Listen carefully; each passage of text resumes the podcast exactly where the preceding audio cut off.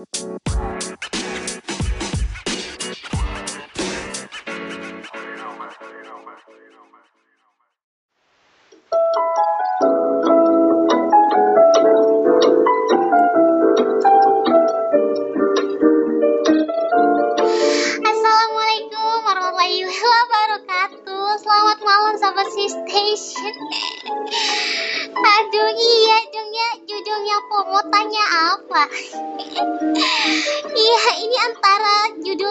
bingung sama judul orang eh, nantangin gitu ya mau nanya apa gitu banyak hal deh yang mau tanya-tanyain di sini makanya po sampai ngetik mau tanya apa saking bingungnya saking banyaknya ya.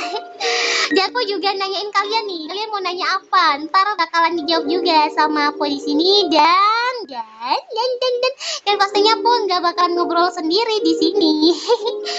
iya, po akan menghadirkan seseorang yang mungkin kalian kangenin cie, yang pastinya kalian rindukan ya di sini ya, pasti itu pasti banget.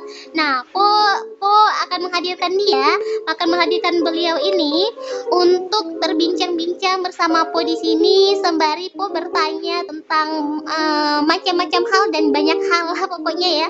Sama siapakah po akan berbicara? Hmm, tanya apa pun kah kamu po? Ih, tanya apa aja mbak? Apa aja selagi po bisa jawab, po bisa jawab, ya po jawab. Tapi selagi po eh, kalau po nggak bisa jawab, po akan jawab tapi jawabnya ngawur, nggak apa-apa ya mbak ya.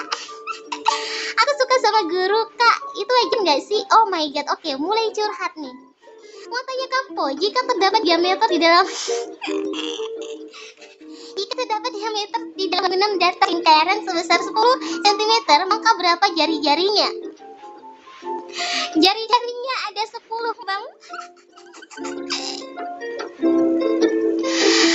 Atika Gesani Siregar. Oke, kenapa telur mata sapi? Mata sapinya mana? Itu siapa? Karena kalau mata cicak kamu nggak kenyang, Atika. Oke. Oke,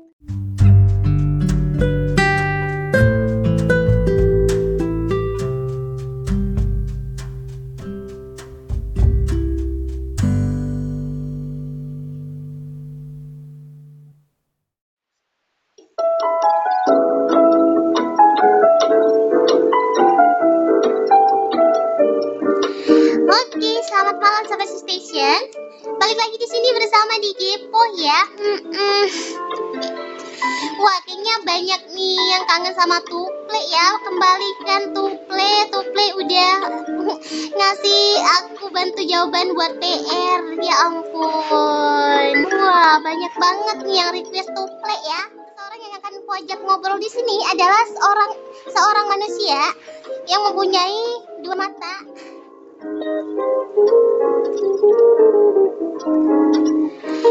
Ah, halo, dengan siapa di sana? Apakah kau sudah terhubung dengan seseorang yang ditunggu-tunggu ini sebagai bintang tamunya?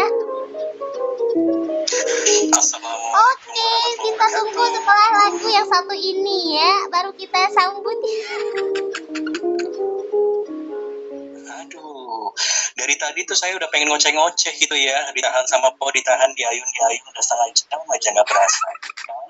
Ya sebenarnya ini adalah eh, saya pengen ngobrol, pengen bahas mengenai si station. Nah, mungkin kita akan bertanya juga tentang sejarah awal mulanya si station. Ah, Po pengen tahu nih, apa sih yang menjadi dasar eh, Bang Ahmad ini untuk berpikir membuat suatu channel bersama ah, dengan nama si station gitu. Nah, ber- berarti ada dua pertanyaan tuh sekaligus ya. Pertama, kenapa apa yang mendasari Bang Ahmad untuk membuat channel bersama? Yang kedua, kenapa namanya si station dan apa makna nama si station itu sendiri? Oke, silakan Bang Ahmad.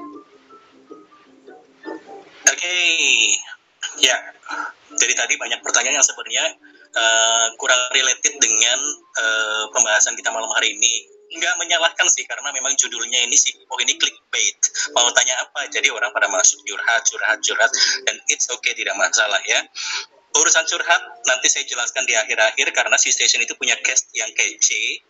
Eh, which is itu adalah saya sendiri yang kelola sama DJ Baim. Ada case yang baru dirilis hari ini namanya Rules of Love. Jadi itu nanti sekitar ada 23 episode. Itu akan dijelaskan di situ akan diulas mengenai cinta, mengenai romansa. Jadi kita ingin memberikan edukasi sebenarnya bahwa cinta itu tidak sereceh itu gitu maksudnya nggak melulu soal sakit hati nggak melulu soal soal romansa pasangan romansa jodoh keresahan keresahan nggak punya pasangan dan lain-lain. Tidak melulu soal itu. Kita akan bahas mulai dari titik awal. Sebuah pengakuan. Kita apa sih butuh cinta itu apa sih? Cinta itu apa sih? Coba kita saya pengen ajak mikir. Itu sekitar ada 23 episode. Itu sudah saya buat kerangkanya. Insya Allah nanti bakal diupload setiap minggu sore ya. Jadi ini menjawab pertanyaan dari teman-teman yang mungkin tadi curhat dan lain-lain. Nanti bisa dengerin cast kita cast kami ya. Itu insya Allah bakal dibahas di situ mudah-mudahan dapat pencerahan kita sama-sama belajar lah bahwa cinta itu tanda kutip tidak sereceh itu gitu ya Oke, okay, balik lagi ke pertanyaan mengenai apa yang melatar belakangi saya bikin C Station. Jadi sejarahnya dulu adalah saya adalah DJ terkenal pada zamannya, Cila terkenal. terkenal. Ada yang masih ingat tebakan receh itu adalah room pertama saya dan alhamdulillah rame dan bulan kemudian di bulan Juli, eh bulan Juli bulan Agustus nih, bulan Agustus itu saya terpilih jadi DJ Choice. Ya jadi DJ Choice itu saya malu tuh. Cuma siaran tebakan receh kok jadi DJ Choice karena rame gitu. Akhirnya jadi beban mental. Akhirnya saya mulai mengurangi siaran. Kira-kira apa ya? Sih bisa bermanfaat apa ya? Ah, bikin ah room-room yang pop culture gitu yang lagi ngehits. Bukalah itu curhat malam. Nah curhat malam itu saya mengenal teman-teman kayak Po kayak di tebakan receh juga saya mengenal oh Po Putra Koto terus teman-teman lain kayak aku Nah, habis curhat malam, rasanya nggak puas gitu. Kok seperti saya melegalkan seseorang itu untuk mengeluh ke saya gitu. Akhirnya Bentar deh, Pak. beban mental Pak. itu saya sisihin. Pak, ya, ya, ini ya, ya. secara tidak langsung Bapak mengatakan, "Bu, suka curhat dong." Ih. Enggak. Kamu orangnya di situ kalau di room curhat itu kamu nggak berani spam soalnya. Kecuali di tebakan receh kamu gila spamnya dulu. Kalau di tebakan receh itu saya tahu kamu menyimak permasalahan dari orang-orang dan kamu menyerap, mengambil ini karena curhat saya itu mungkin ya pada masanya itu mungkin uh, bisa dibilang curhatnya itu berbeda dengan curhat-curhat yang kebanyakan. Kalau curhat sekarang itu kan seperti curhatnya curhat flash gitu ya mungkin dalam waktu satu menit selesai. Kalau saya enggak satu orang itu intens minim minim itu 15 menit. Jadi memang ada 40 orang misalnya satu orang yang curhat yang lain giliran yang lain tuh nyimak kasih solusi. Ya itu tergantung cara deliver kita sih. Jadi alhamdulillah roomnya itu selalu kondusif. Nah dari situ tapi saya merasa beban gitu. Kok buka curhat malam seperti melegalkan kaum kaum gabut kaum kaum pengeluh. Nah habis itu ya udah saya hentikan untuk ketebakan receh saya hentikan terus curhat malam saya hentikan. Saya sempat vakum. Vakumnya nggak lama-lama tiga hari. Saya mengkonsep bikin bikin satu program namanya Edict Ahmad Diction. Jadi Ahmad Diction dari namanya aja Edict diksi itu kan pilihan kata. Jadi saya me menggunakan satu judul kata dan itu saya bahas panjang lebar. Contohnya apa yang pernah saya bahas misalnya adalah jadi kalau nggak kata itu frase saya pernah kayak bahas itu gratitude. Saya mengajak untuk teman-teman bersyukur. Saya pernah bikin itu three wise monkeys terus bahas quarter life crisis. Jadi pembahasannya udah lebih heavy lebih berat gitu. Lebih kepada room-room kontemplasi sih perenungan. Dan di situ saya mulai kenal yang namanya Feby. Nah itu. Nah dari situ lah alhamdulillah saya ketemu akhirnya ketemu benar-benar yang saya nyaman jiwa saya nyaman. Nah dari situ saya berpikir kenapa nggak saya berpikir kenapa nggak saya mencoba bermanfaat? Nah ketika tebakan receh itu saya sudah mengencourage teman-teman yang pendengar saya untuk bikin satu grup. Jadi hanya sebatas grup bukan family ya. Bukan family. Jadi teman-teman yang saya tampung ini saya coba encourage, saya coba dorong untuk siaran. Karena rata-rata kayak Putra Koto, kayak kayak Poh, kayak Sira, kayak Feby, kayak Akui itu pernah cupu pada masanya. Ya, catatannya adalah cupu pada masanya. Mereka-mereka ini dulu cupu, cupu ya, nggak pernah mau siaran. Gitu. Cuman saya melihat ada talent-talent dan bakat attitude yang baik di mereka dan hanya butuh sedikit polesan aja. Dan alhamdulillah mereka saya saya dorong, saya support untuk ayo siaran, ayo siaran, ayo siaran. Nah, itu prosesnya panjang kalau saya ceritain. Tapi intinya adalah alhamdulillah ketika mereka saat ini sudah memiliki kepercayaan diri uh, siaran, untuk ngobrol dan ketika saya tinggalkan pun saya sempat meninggalkan si station itu dua kali cuman yang paling lama ini yang ini gitu ya saya sempat ninggalin itu lima 15 hari dan ini cukup lama sih 15 hari itu sayanya kangen sama mereka mereka juga kayaknya kangen tapi gengsi mau ngontek saya Jadi mereka kadang suka nyindir-nyindir lewat lewat satu-satu WA. Saya tahu. Uh, ya saya nggak tega aja sih untuk lepas mereka karena saya udah anggap mereka udah kayak adik. Ada beberapa yang udah saya kenal di real life gitu ya. Karena interaksi juga udah sering banget, walaupun ada beberapa yang belum ketemu. Oh ya, satu lagi. Uh, teman-teman yang saya encourage di C Station itu adalah orang-orang yang memang dia sama. Jadi mereka tidak ada kepura-puraan. Jadi mereka ya bocor-bocor, mereka gila ya gila gitu. Mereka lucu ya lucu gitu, nggak pernah ada kepura-puraan. Itu sih, alhamdulillah dan mereka itu dalam siaran-siarannya itu nggak pernah menggunakan bahasa-bahasa yang eksplisit, bahasa-bahasa kekerasan, bahasa-bahasa yang uh, tadi istilah roasting, istilah bullying itu alhamdulillah nggak pernah. Mereka sadar dengan sendirinya, mereka paham dengan sendirinya karena mereka berkumpul dengan orang-orang yang memang punya fokus yang sama ingin berlatih komunikasi dengan baik, menyadari penuh bahwa komunikasi ini adalah hal krusial, kemampuan komunikasi yang baik ini adalah hal yang urgent untuk dimiliki setiap orang dalam kehidupan nyata dan attitude yang baik. Mereka sadar akan dua hal ini, jadi mereka belajar. Uh, sekali lagi bahwa latar belakang saya ini adalah pengajar, tenaga pengajar dan juga saya pernah bekerja kantoran selama 9 tahun dan selama proses di kantor itu kan saya juga merintis dari bawah dari bawah dari staff sampai akhirnya level head level uh, apa namanya manajemen gitu ya jadi saya memang banyak sekali belajar untuk mengenal karakter mungkin itu adalah gift bentuk karunia ketika saya melihat seseorang ini punya potensi baik itu saya mengenal dari interaksi sekilas saja saya paling tidak tahu karakter dasarnya. Oh ya, anak ini butuh dipoles ini, anak ini butuh dipoles ini. Jadi tahu kebutuhan anak anak-anak ini satu persatu itu saya insya Allah tahu. Jadi ketika saya melihat Poh aja ya untuk kasus Poh ya, Poh itu dulu adalah orang yang spamming, terkenal spamming banget, ratu spamming. Eh kalau ratu ketuaan ya, uh, balita spamming lah, balita ya, balita spamming. Karena kalau iya. masuk room saya itu selalu takut sama Akui. Akui selalu saya jadikan manajer karena ya. ini takut sama Akui. Galak sih Akui. jadi ya. saya pakai manajer itu Akui dan dia tuh nggak berani kalau Akui jadi manajer takutnya di kick. Akhirnya si Poh ini typingnya apa? Typingnya deres banget. Satu kata itu belum selesai udah dikirim tang tang tang tang tang tang tang tang gitu. Tapi saya yakin anak ini tuh menyenangkan dan terbukti dia selalu tertarik masuk ke room saya. Sampai pada akhirnya dia spamnya nggak cuma di room saya di banyak room juga seperti itu. Sampai akhirnya pada titik momen di mana dia siaran di akun pribadi orang-orang yang pernah roomnya di spamming sama oh ini balas dendam.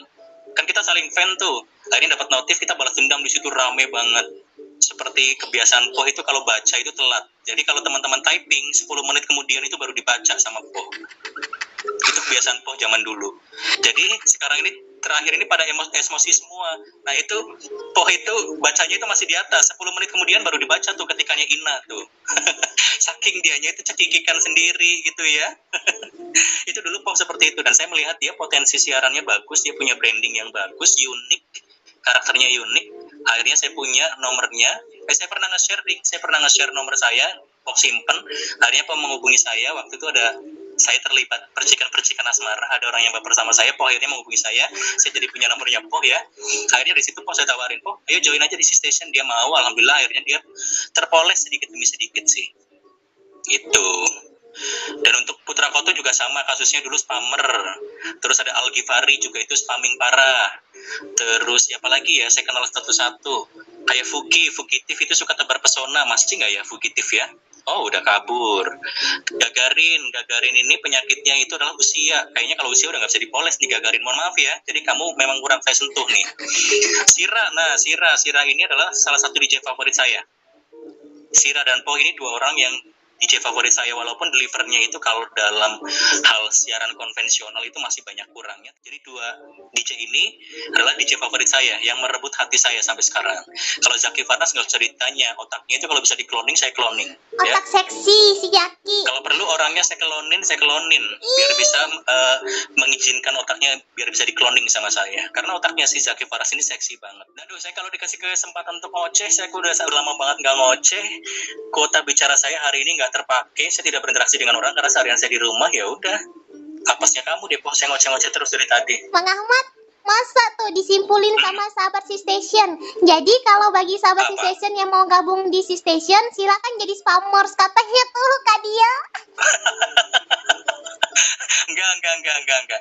Intinya gini, kita membuka siapa pun untuk join di C-Station, tapi sekali lagi C-Station itu bukan channel besar, ya.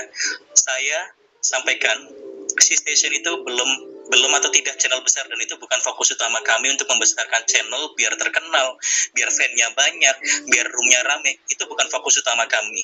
Fokus utama kami adalah belajar. Belajar bikin program siarin. Belajar bikin program siarin. Belajar bikin program siarin. Seperti itu. Lu punya kreativitas apa siarin. Yang penting adalah teman-teman di sini adalah satu frekuensi satu frekuensinya adalah ayo kalau memang teman-teman mau belajar tolong kosongkan cangkir kosongkan cangkir ini adalah bentuk analogi ketika teman-teman sudah punya latar belakangnya cukup baik dari segi keilmuan. Kalau memang mau masuk ke station, kalau memang berkenan gitu ya, tolong uh, merendah dulu gitu, jangan gue begini, gue begini, gue begini. Insya Allah kalau yang begitu-begitu biasanya nggak awet.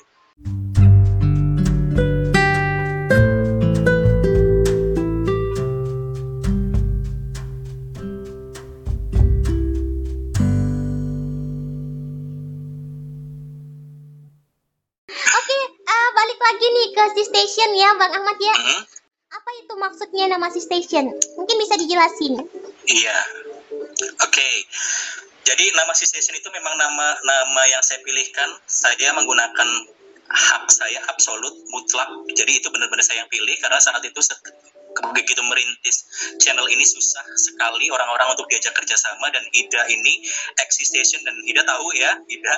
Dulu itu banyak yang ketika saya ayo bikin channel yuk namanya mau apa? Diem semua. Tapi 10 menit kemudian receh lagi di grup. Itu udah biasa. Untungnya saya orangnya sabar ya. Jadi memang ini namanya mutlak. Si station itu saya yang bikin. Itu lebih ke ear aja biar gampang disebut gampang didengar. Si station C station gitu ya. Dulu tadinya mau pakai E station tapi susah. Akhirnya saya pakai nama C station. C station kenapa pakai nama C station? C itu adalah merepresentasikan inisial dari konten-konten yang kita bikin. Jadi konten-konten yang kita muat, yang kita hadirkan itu berawalan huruf C.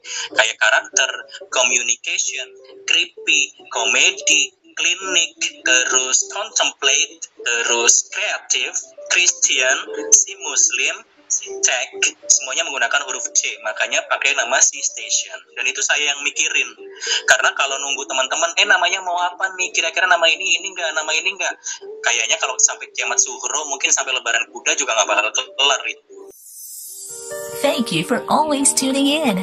Here's another one of your favorite tunes. Stay stuck. Station. Stay tuned with C Station. C Station. Now on air. Kamu masih mendengarkan C Station. Cool. Confident. And classy. One station. You are listening C Station. Cool, confident, and classy. Check it out.